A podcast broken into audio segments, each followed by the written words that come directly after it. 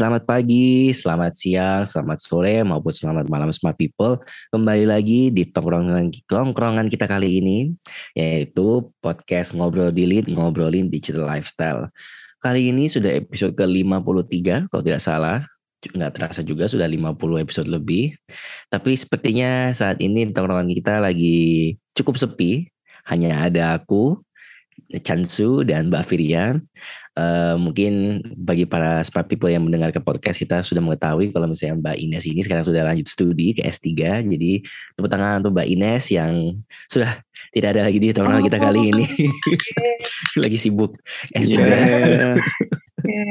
Selamat Mbak Ines kalau dengerin kita. Kalau dengerin kita ya Mbak, selamat dan sukses terus untuk S3-nya. Ya. Tuh. Jadi teman kita cukup semakin sepi dan intim kali ini. Jadi mungkin kita bahasnya apa ya? Bisa yang lebih berbobot kali ini ya. Yoi. Emang nggak tahu ya. Kita mungkin kadang merasa omong kita berbobot tapi nggak tahu deh smart people apakah kita omongnya berbobot atau enggak ya. Ya tahu. But anyways, uh, kita mungkin apa ya? Topik ini kali ini mungkin cukup apa ya cukup trending as always trending yes tapi mungkin ini apa ya topik yang sudah pasti didengar oleh smart people yaitu langsung aja to the point dan mungkin juga juga sudah kita sebut beberapa kali dalam uh, episode sebelumnya yaitu mengenai resesi ekonomi. Seperti yang diketahui oleh smart people, smart people kan kita apa ya sudah mendengar berita-berita mengenai bahwa akan ada potensi apa ya resesi ekonomi atau akan jadi apa ya tahun buruk di 2023 untuk ekonomi gitu. Tapi apa ya, terlepas dari faktanya itu benar apa tidak, karena saya bukan ahli ekonomi di sini. Seperti ini Mas Chansu ranahnya kalau perihal ekonomi. Tapi mungkin yang aku mau apa ya bawa di dalam tongkrongan ini adalah sure apa ya uh, isu resesi ekonomi ini menjadi hangat. Tapi Mungkin yang jadi problematik adalah bagaimana orang-orang ini mengambil kesempatan isu hangat ini untuk apa ya riding the wave dan apa ya menjadikan ini sebuah isu yang dilebih-lebihkan alias mungkin kita kali ini adalah mengen, apa yang membahas mengenai fear mongering dari isu resesi ekonomi 2023 ini. So, I mean, again, terlepas dari ini benar apa tidak akan terjadi resesi, saya bukan cenayang, saya tidak akan tahu masa depan seperti apa. Yang jelas saya tahu adalah uh, portofolio reksadana saya sedang turun menurun. I don't know if that is a sign of recession atau enggak, tapi yang jadi hot juga sekarang di sosial media kali ini adalah apa ya? Mungkin aku akan berusaha untuk tidak mencoba menyebut merek, tapi mungkin smart people sudah mengetahuinya. Jadi belakangan ini ada ada beberapa konten kreator yang sedang hangat membahas tentang uh, potensi dari resesi ekonomi uh, Indonesia di tahun 2023. Uh, mereka membungkus konten mereka dengan isu-isu apa ya bahwa ini akan menjadi the biggest crash since whenever recession yang terakhir itu kapan either perbandingannya 2008, either perbandingannya tahun apa ya, The Great Depression dan sebagainya. Mereka mengatakan bahwa ini akan menjadi malapetaka bagi kita semua. Ini akan menjatuhkan apa ya aset-aset berharga kita semua dan sebagainya. So mereka membawa bungkus apa ya konten mereka itu dengan uh, cara yang cukup menakutkan, memberikan rasa takut kepada uh, masyarakat yang mungkin masih awam, gitu, tidak terlalu paham tentang ekonomi apa ya mungkin oleh masyarakat, masyarakat seperti saya ini seperti aku ini yang emang nggak terlalu up to date dengan ekonomi tapi kayak apa ya ya cukup tahu tentang ekonomi tapi bukan ahli ekonomi gitu loh. Yang kalau misalnya dikasih berita kalau misalnya bakal resesi, resesi ekonomi itu ya percaya percaya aja. Dan nyatanya juga aku ya percaya aja gitu loh. Tapi kemudian setelah di apa ya setelah para netizen ini uh, menjadi jeli dan melihat pola-pola dari orang-orang yang bikin konten ini ternyata ditemukan bahwa ternyata mereka itu apa ya semua konten kreator yang nggak semua tapi ada beberapa konten kreator yang bahas uh, ini yang cukup populer dan mungkin smart people sudah nonton videonya di YouTube. Kalau tidak salah karena sudah lebih dari 3 juta views. Jadi mereka itu adalah salah satu apa ya bukan kelompok bukan komplotan sih tapi lebih tepatnya mereka itu satu startup lah istilahnya. Mereka satu satu jejaring satu startup yang mereka itu adalah menjual kelas online mengenai mengenai financial literacy. Dan mereka apa ya uh, copywritingnya atau kayak hard copywritingnya atau kayak marketingnya mereka itu seolah-olah menggunakan uh, apa ya resesi ekonomi ini sebagai momentum yang tepat untuk melipat gandakan uang anda gitu. Which apa ya yang menurutku adalah aku nggak tahu apakah ini Mas Chansu maupun Mbak Firia sepakat atau tidak tapi menurutku ini adalah apa ya marketing yang nir empati yang sama sekali apa ya eh, jauh dia dari realita itu loh. Maksudku dalam arti orang bukannya menjadi apa ya uh, bukan tertarik karena ingin mengetahui tapi tertarik karena takut. Ingin apa ya dalam arti mereka itu landasannya bukan karena mereka kepo apa ya untuk mengetahui tentang financial literacy tapi lebih tepatnya mereka itu takut. Dan dari V ini kan bisa jadi orang-orang itu pada gegabah orang-orang itu pada apa ya uh, clumsy atau pada ya intinya pada apa ya irrational lah kalau kita menyuguhkan mereka dengan rasa-rasa ketakutan mereka akan pasti apa ya melakukan yang hal yang sebaliknya gitu atau mungkin malah jadinya irrational dan mengambil langkah yang justru malah mencelakai mereka daripada menguntungkan mereka di jangka panjang. Jadi menurutku itu yang cukup jadi problematik. Menurut dari Mas Chansu maupun Mbak Firia gimana ini dari isu-isu yang sedang hot ini? Hmm, menarik banget sih ini isunya menurut aku karena emang dalam beberapa waktu belakangan ini kayak aku sering banget gitu loh kayak ngelihat di sosial media orang-orang emang lagi marak ngomongin masalah uh, resesi 2023 gitu kan yang kayak uh, dari beberapa public figure pun juga ikut ikutan uh, bikin konten tentang uh, waduh dunia bakalan uh, apa gelap bakalan uh, ada resesi 2023 kayak gitu kan. Cuman uh, momentum ini gitu kan yang tadinya emang uh, adalah sebuah prediksi yang aku baca sih emang karena emang ini prediksi di beberapa negara gitu kan yang mereka punya uh, sedang saat ini sedang mengalami permasalahan ekonomi uh, yang lesu gitu kan termasuk uh, juga sudah mulai ada tanda-tanda bakal resesi gitu. Di mana ini terjadi hanya di beberapa negara. Nah tapi ketika itu masuk ke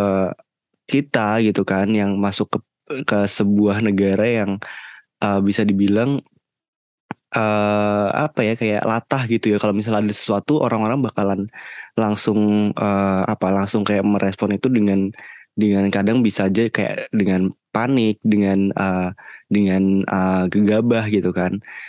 Itu uh, jadi kayak unik aja gitu sih kayak dimanfaatin sama kelompok-kelompok tertentu buat mencari keuntungan buat mereka sendiri gitu. Dan aku emang kayak dari kemarin juga ngeliatin terus konten-kontennya uh, influencer-influencer ini gitu kan kok kok kok gencar banget gitu ya. Aku awalnya emang nggak nangkep ya aku awalnya nggak nangkep kalau misalnya mereka tuh mau mau promosi gitu kan promosi. Tapi awalnya emang kayak yang meyakinkan oh mungkin emang tujuannya baik untuk mengingatkan resesi.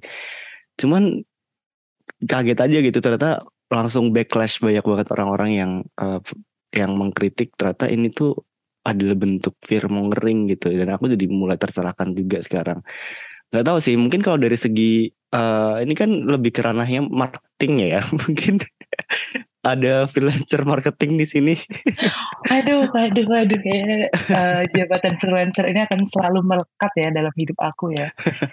Uh, monggo, monggo sebenarnya gini, uh, kalau dari apa ya, uh, kalau dari sisi marketing gitu ya, aku terlepas dari ini dunia digital gitu atau permasalahannya apa gitu, tapi sebenarnya kalau misalnya di dunia marketing itu kayak apa, uh, kita tuh selalu selalu ingin ya pasti kalian dengan udah sering dengar kata-kata kayak riding the wave gitu-gitu kan, kayak uh, mengikuti alur gitu-gitu dan apa yang like what's happening gitu-gitu. Jadi pasti kayak kita sebagai anak marketing kita gitu ya biasanya orang marketing ngelihat kayak oh ada ada celah nih di situ kita masuk gitu karena biasanya orang marketing itu ngelihat kayak oh uh, apa unique selling point dalam usaha yang aku jual itu apa ya produk aku tuh apa gitu jadi kayak ketika ada suatu masalah yang dirasa itu adalah apa uh, produk kita ini bisa membantu, ya pasti mereka akan akan cepat-cepatan gitu. Jadi dan itu sebenarnya di teknik marketing juga ada. Jadi kayak bisa dibilang fear appeal uh, marketing atau fear based marketing gitu. Jadi di mana kayak mereka itu di dimainkan psikologinya gitu. Jadi misalnya kayak pertama gitu dibikin dulu kayak apa sih permasalahan mereka tuh kayak uh, kenapa sih mereka kira-kira apa vulner, mereka tuh jadi vulnerable gitu. Kayak misalnya nih dalam kasus resesi. Oh ke, mereka kayak uh, bukan ditakut-takutkan tapi di emphasize gitu. Kayak oh kalian tuh adalah orang yang akan terdampak dari resesi itu loh. Gitu. Jadi kayak gimana nih kalau misalnya kita jadi korban resesi itu kita akan A B C D E F G gitu terus nanti ketika mereka tahu oh iya nih mereka sadar nih oh jadi ternyata uh, si audiensnya sadar kayak oh iya aku nih jadi korban resesi loh. Kalau misalnya aku jadi resesi, aku nih akan ABCD. Hmm, gimana ya? Apalagi kayak yang tadi teman-teman bilang, mereka nggak tahu gimana gitu. Karena uh, isu resesi ini nggak semua orang yang paham gitu kan. Cuma tahu kayak, oh mungkin dalam tanda kutip, aku akan merugi nih di kemudian hari gitu kan. Terus kayak, mereka pasti akan cari tahu nih, kayak, oh gimana nih biar aku tidak uh, tidak terjebak gitu atau tidak merugi atau misalnya tidak tidak ya tidak terkena dampak dari resesi tersebut. Pasti mereka akan cari tahu.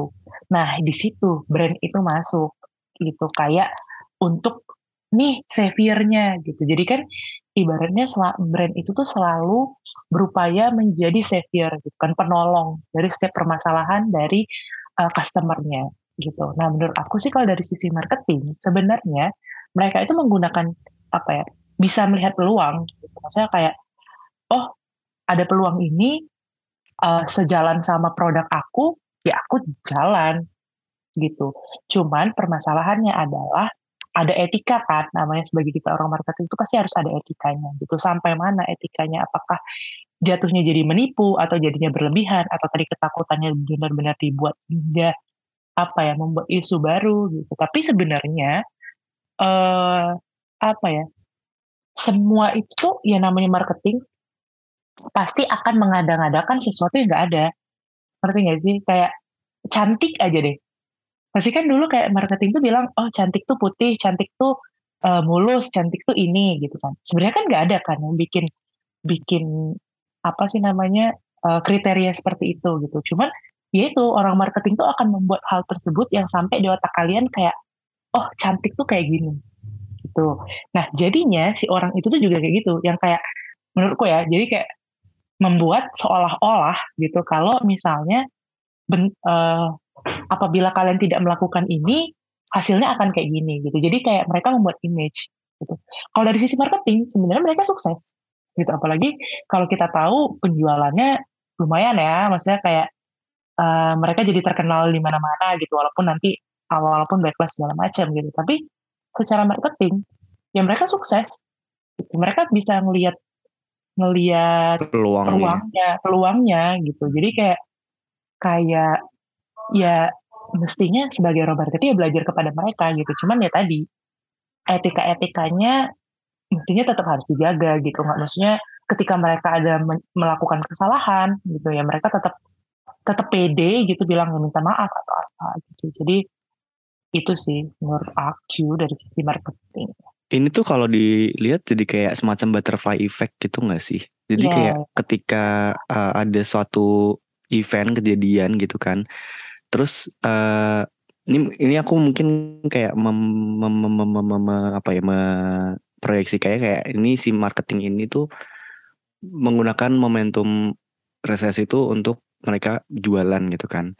Cuman mereka tuh nggak pada nyadar bahwa sebetulnya itu tuh punya efek gitu ya, punya efek ke uh, keberlanjutan orang-orang yang pada terkena kontennya mereka itu gitu kan. Mungkin ada orang yang ngelihat itu kayak oh ya udah biasa aja gitu. Cuman ada yang mungkin bener ke gocek gitu ya kayak lihat kontennya langsung oke okay, kita beli produknya gitu. Hmm. tapi ada juga uh, orang tuh yang kayak langsung mereka nggak tahu mau ngapain terus jadi panik sendiri dengan akhirnya ujung-ujungnya malah uh, mereka kayak linglung jadi kayak mereka malah merugikan diri mereka sendiri. Misalnya nih aku kayak ngambil contoh kayak kemarin dulu waktu covid awal-awal.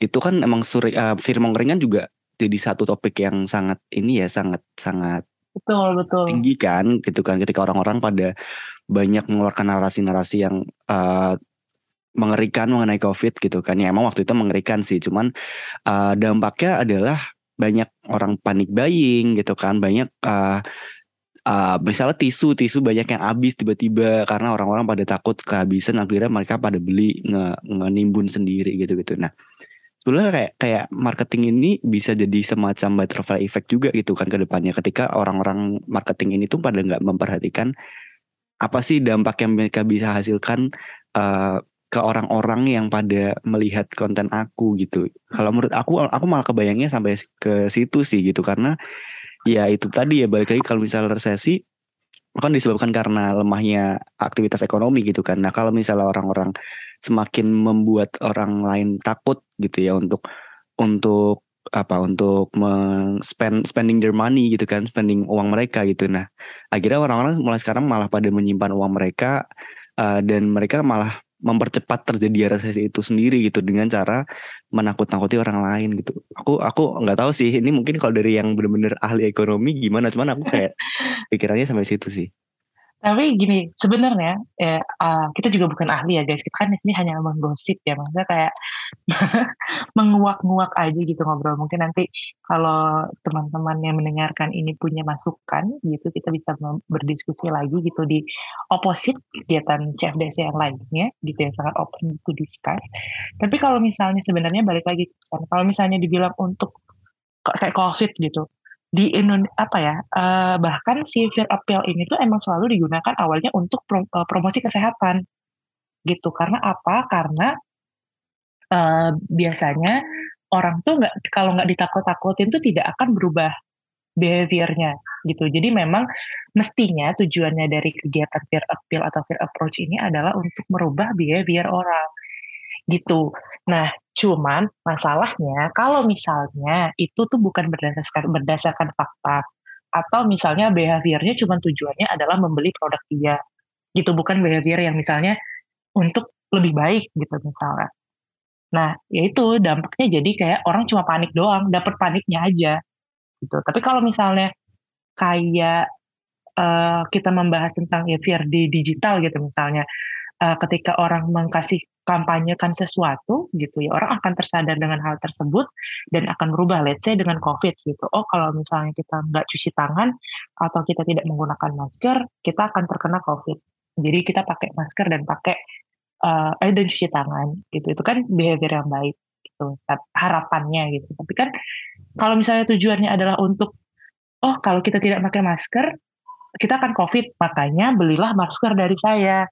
Nah itu kan juga apa tadi yang kayak Chan Su bilang gitu akan efeknya tuh ke mana-mana gitu. Maksudnya karena uh, informasi atau uh, apa pesan marketingnya tuh nggak nggak jelas gitu. Maksudnya tujuannya apa gitu. Terlalu banyak call to action kalau kata orang marketing tuh. Maksudnya kayak terlalu banyak call to actionnya di sini dalam artian kayak misalnya membeli buku dia atau mengikuti seminar dia atau apa atau apa gitu bukan yang kayak diberi informasi yang lebih jelas gitu misalnya kayak oh kalau misalnya resesi ini mestinya kita harus A B C D E karena apa? Ada ada informasinya gitu. Itu sih kalau hmm. menurut aku.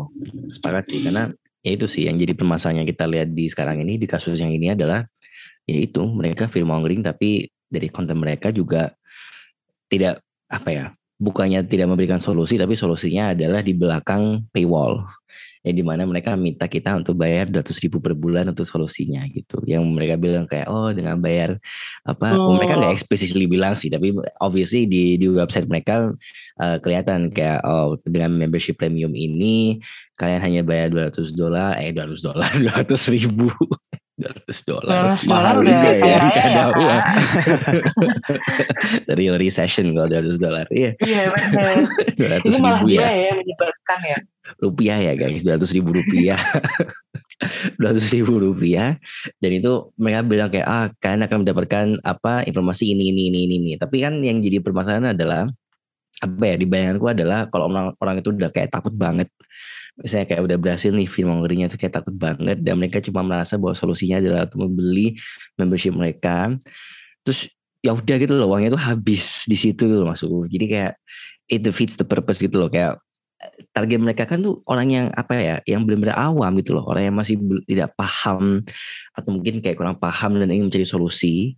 Dan kemudian mereka menyuguhkan solusi yang di belakang paywall ini kan jadinya kesannya apa ya ya udah yang untung itu at the end of the day mereka yang cuma jualan produknya ini bukan kita yang ingin menghemat uang gitu loh. Karena kan apa ya bayanganku if you apa ya orang yang bisa bayar ini itu adalah orang yang mungkin udah bisa investasi dengan diri sendiri dan tahu cara investasi jadi nggak usah bayar ini tuh loh. Jadi kayak kesannya yang yang beli produk ini justru orang yang apa ya iya yo. Nah, malah salah Rin target mereka tuh malah orang yang nggak ngerti. Gitu. Iya, yang nggak ngerti kan. Yang clueless gitu ya. Yang clueless kan, iya, clueless jadi kan uangnya habis di situ gitu loh. Eh, uh, bener, uangnya habis di jadi masalah. mereka uh, gitu. Kalau itu kayak orang yang ngerti nggak mungkin beli mereka. Iya, iya, makanya jadi kayak uangnya itu habis di situ dan buat yang nggak ngerti jadinya nggak ada uang buat investasi itu loh. Bayangin kalian ngabiskan 200 ribu per bulan cuma buat kelas dan informasi tambahan gitu loh. Dan itu apa ya uang yang bisa diinvestasikan gitu loh 200 ribu. Jadi kayak itu yang jadi kayak semacam kayak apa ya yang jadi permasalahannya di situ sih menurutku. Apa ya makanya kayak fear mongering in this context itu cukup salah. Beda lagi kalau misalnya kayak fear mongering yang covid yang gitu tujuan itu ngasih tahu apa tentang kesehatan atau mungkin fear mongering tentang perlindungan data pribadi itu menurutku fine fine aja gitu loh karena sure kita mungkin agak sedikit apa ya uh, hiperbola ketika memberikan retorika tentang pelindungan data pribadi. Tapi itu kan dengan tujuan untuk apa ya melindungi diri kita sendiri tuh loh kayak skepticism yang tinggi gitu loh. Dan ketika kita bahas RUU PDP kan kita nggak ngejual produk RUU PDP kan. Kita mm -hmm. sure kita kayak promosi kayak eh kita beli RUU PDP deh. And that's it gitu loh. Kita nggak jual nih RUU PDP kepada orang-orang gitu loh. Kita nggak jual apa ya uh, antivirus atau apa gitu untuk di Windows gitu loh. Ya enggak kan kita cuma jual informasi. Ya juga jual sih kita mungkin cuma ngasih tahu informasi. ya lebih tepatnya hmm. mungkin kayak firmongering itu kalau misal buka bukan firmongering juga sih tapi kayak suatu informasi itu bakalan uh, sah-sah aja ketika emang tujuannya tuh adalah untuk mengedukasi gitu kan bukan tujuannya untuk kayak uh, tadi itu kayak mencari keuntungan uh, terhadap orang-orang yang clueless itu tadi gitu kan. Jadi kan dia malah kayak uh, mencari keuntungan memperkaya diri sendiri dan membuat orang lain tuh jadi makin clueless gitu kan. Iya gak sih? Atau gimana? Ya benar-benar karena ya itu tadi uh, niat awalnya mestinya kalau misalnya kita tadi kalau memang pakai teori yang benar itu tujuannya kan change behavior. Tuh dalam artian maksudnya kayak oh ada kalian sadari ini gitu. Sama kayak PDP gitu. Kalian sadari ada isu ini terus uh, apa sih yang harus kalian kalian lakukan? Itu tujuannya itu. Misalnya nggak usah PDP saya dulu aja deh misalnya kayak TBC gitu. Saya jangan terlalu banyak merokok gitu. Jauhi rokok kalau tidak TBC misalnya gitu kan. Ya itu kan sebuah apa ya pesan masyarakat lah. Change behavior lah pesan masyarakat. Tapi kalau misalnya tujuannya tadi call to action itu kayak uh, pahami resesi, jika ingin lebih lanjut, beli buku ini. Nah itu sih menurut aku yang kayak akhirnya jadi orang tuh belum paham, tapi udah harus dipaksa beli buku gitu artinya. Kayak emang niatnya emang jualan gitu, bukan yang kayak awalnya memang niat baik. Sih menurut aku. Bener-bener. Benar sekali Buns. Jadi itu ya apa smart people. Mm -hmm. Jadi apa ya? Mungkin uh, semacam tips and tricks ketika kita melihat suatu isu, namun kemudian solusinya adalah suatu uh, produk, maka apa ya? Bolehlah kita skeptis terhadap apa uh, isu iya. tersebut itu loh dan apa ya selain resesi ekonomi ini aku juga sering banget lihat di kayak di TikTok tuh kayak orang ngomongin tentang apa uh, isu diet dan health gitu. Tapi kayak ujung-ujungnya kayak solusinya kayak ya yeah, I want to know more kayak follow the link on my bio atau apa gitu. Ya yeah, ada ada day kan cuma promosi kan. Jadi uh, apa ya mungkin mungkin ini adalah, soal, adalah salah satu tren yang terbaru di media sosial di di platform ini adalah there's no such thing as a free lunch. Dalam arti informasi yang kita dapatkan ini apa ya yang nggak gratis gitu loh. It all comes at a cost dengan itu adalah sebuah iklan at the end of the day gitu loh. Jadi sebuah itu iklan untuk kemudian jadikan apa ya gateway kepada produk-produk mereka yang mereka mencoba jual. Tapi yang menjadi masalah dalam konteks kali ini adalah bahwa ini adalah isu yang sangat apa ya terlepas ini akan terjadi atau enggak ya amit-amit terjadi. Tapi ini adalah suatu isu yang real yang itu dampaknya sangat drastis dan sangat berpengaruh terhadap orang-orang yang awam gitu loh. Orang-orang yang mungkin again sama sekali nggak ngeh tentang ekonomi bagi mereka apa ya live by day by day terus kemudian dikasih takut-takuti tentang resesi ekonomi gitu loh. I mean ngomongin ekonomi itu kan suatu hal yang traumatis itu loh bagi orang-orang gitu loh. Bagi ya. orang-orang tua yang sudah mengalami resesi, resesi ekonomi yang emang tenang terjadi, itu kan pasti suatu hal yang traumatis dan of course mereka tidak ingin mengulangi hal itu terjadi kan. Jadi mungkin again mereka adalah target yang vulnerable yang bisa jadi kemakan omongan ini gitu loh. again terlepas apa ya apakah ini uh, akan terjadi atau enggak tapi kita harus menjauhi lah smart people bukannya kita tidak apa ya bukannya kita menolak uh, kenyataan bahwa ada isu ini tapi lebih lebih tepatnya adalah uh, jangan mudah termakan oleh omongan hmm. manis-manis maupun omongan yang menakut-nakuti dari orang-orang yang at the end of the day itu menjual suatu produk gitu loh. Gitu nah. sih kalau dari aku. Sebenarnya kayak apa ya nggak salah gitu untuk mencari informasi gitu maksudnya dalam artian gini uh, oke okay lah kalau kita, apa ya kalau kalian mau berlangganan si dua ratus ribu atau berlangganan apa pun gitu kalau dari maksudnya kayak kalau kalian merasa oh aku perlu gitu. Tapi apa pun yang terjadi coba dicerna baik-baik gitu. Pun kalian udah membayar pun kalian nanti mengikuti gitu. Coba pahami baik-baik gitu. Apakah uh, apa ya maksudnya uh, jangan cuma dari satu sumber gitu jangan kayak merasa oh aku udah membayar sebuah yang misalnya kayak uh, tadi misalnya dua ratus ribu itu gitu terus kayak merasa ini adalah ilmu yang paling benar yang bisa aku uh, terapkan gitu untuk apa pun gitu. Jadi kayak ya tetap tetap lihat lagi ilmunya tuh gimana, kira-kira apa yang bisa kita terapkan seperti apa gitu. Uh, apa namanya tuh ya nanti kira-kira bisa kita tambah dari informasi yang lain ya seperti apa gitu. Jadi intinya ketika kalian mencoba sebuah produk marketing, balik lagi kalau kalian mencoba sebuah, sebuah produk marketing coba di compare komparasi gitu. Kira-kira produk ini udah paling benar atau belum atau cuman itu iklan dari marketing itu aja gitu. Oke. Okay. Iya, yes, setuju banget sih. Monggo silahkan Mas Karim kalau misalnya ada berapa kata-kata. Apa ya? Iya. kesimpulan yang kita bisa kita tarik ya nih smart people. Emang kita harus selalu waspada. I mean apa ya kita nggak menolak untuk apa smart people untuk mendaftarkan kelas ini. Kelas bayar dua ratus ribu per bulan silakan. Jika itu memang adalah suatu hal yang menarik bagi smart people. Namun uh, perlu kita ingatkan bahwa ya apa ya there's many things that you can do with 200,000 besides daftar kelas yang mungkin informasinya itu cukup questionable dan bisa jadi itu hanya apa ya semacam modul-modul nggak jelas yang bisa kita temukan di internet loh. I'm not saying that you shouldn't, tapi kayak pelajari lebih lagi itu loh. Namun satu hal yang pasti yang kalian bisa nikmati tanpa harus berbayar adalah konten kita di CFDS melalui website kita yaitu cfds.visipol.ugm.ac.id maupun di media sosial kita at cfds underscore ugm untuk Instagram dan Twitter. Itu kami jamin tidak berbayar sama sekali untuk konten-konten yang kita publish di apa website kami maupun di media sosial kami.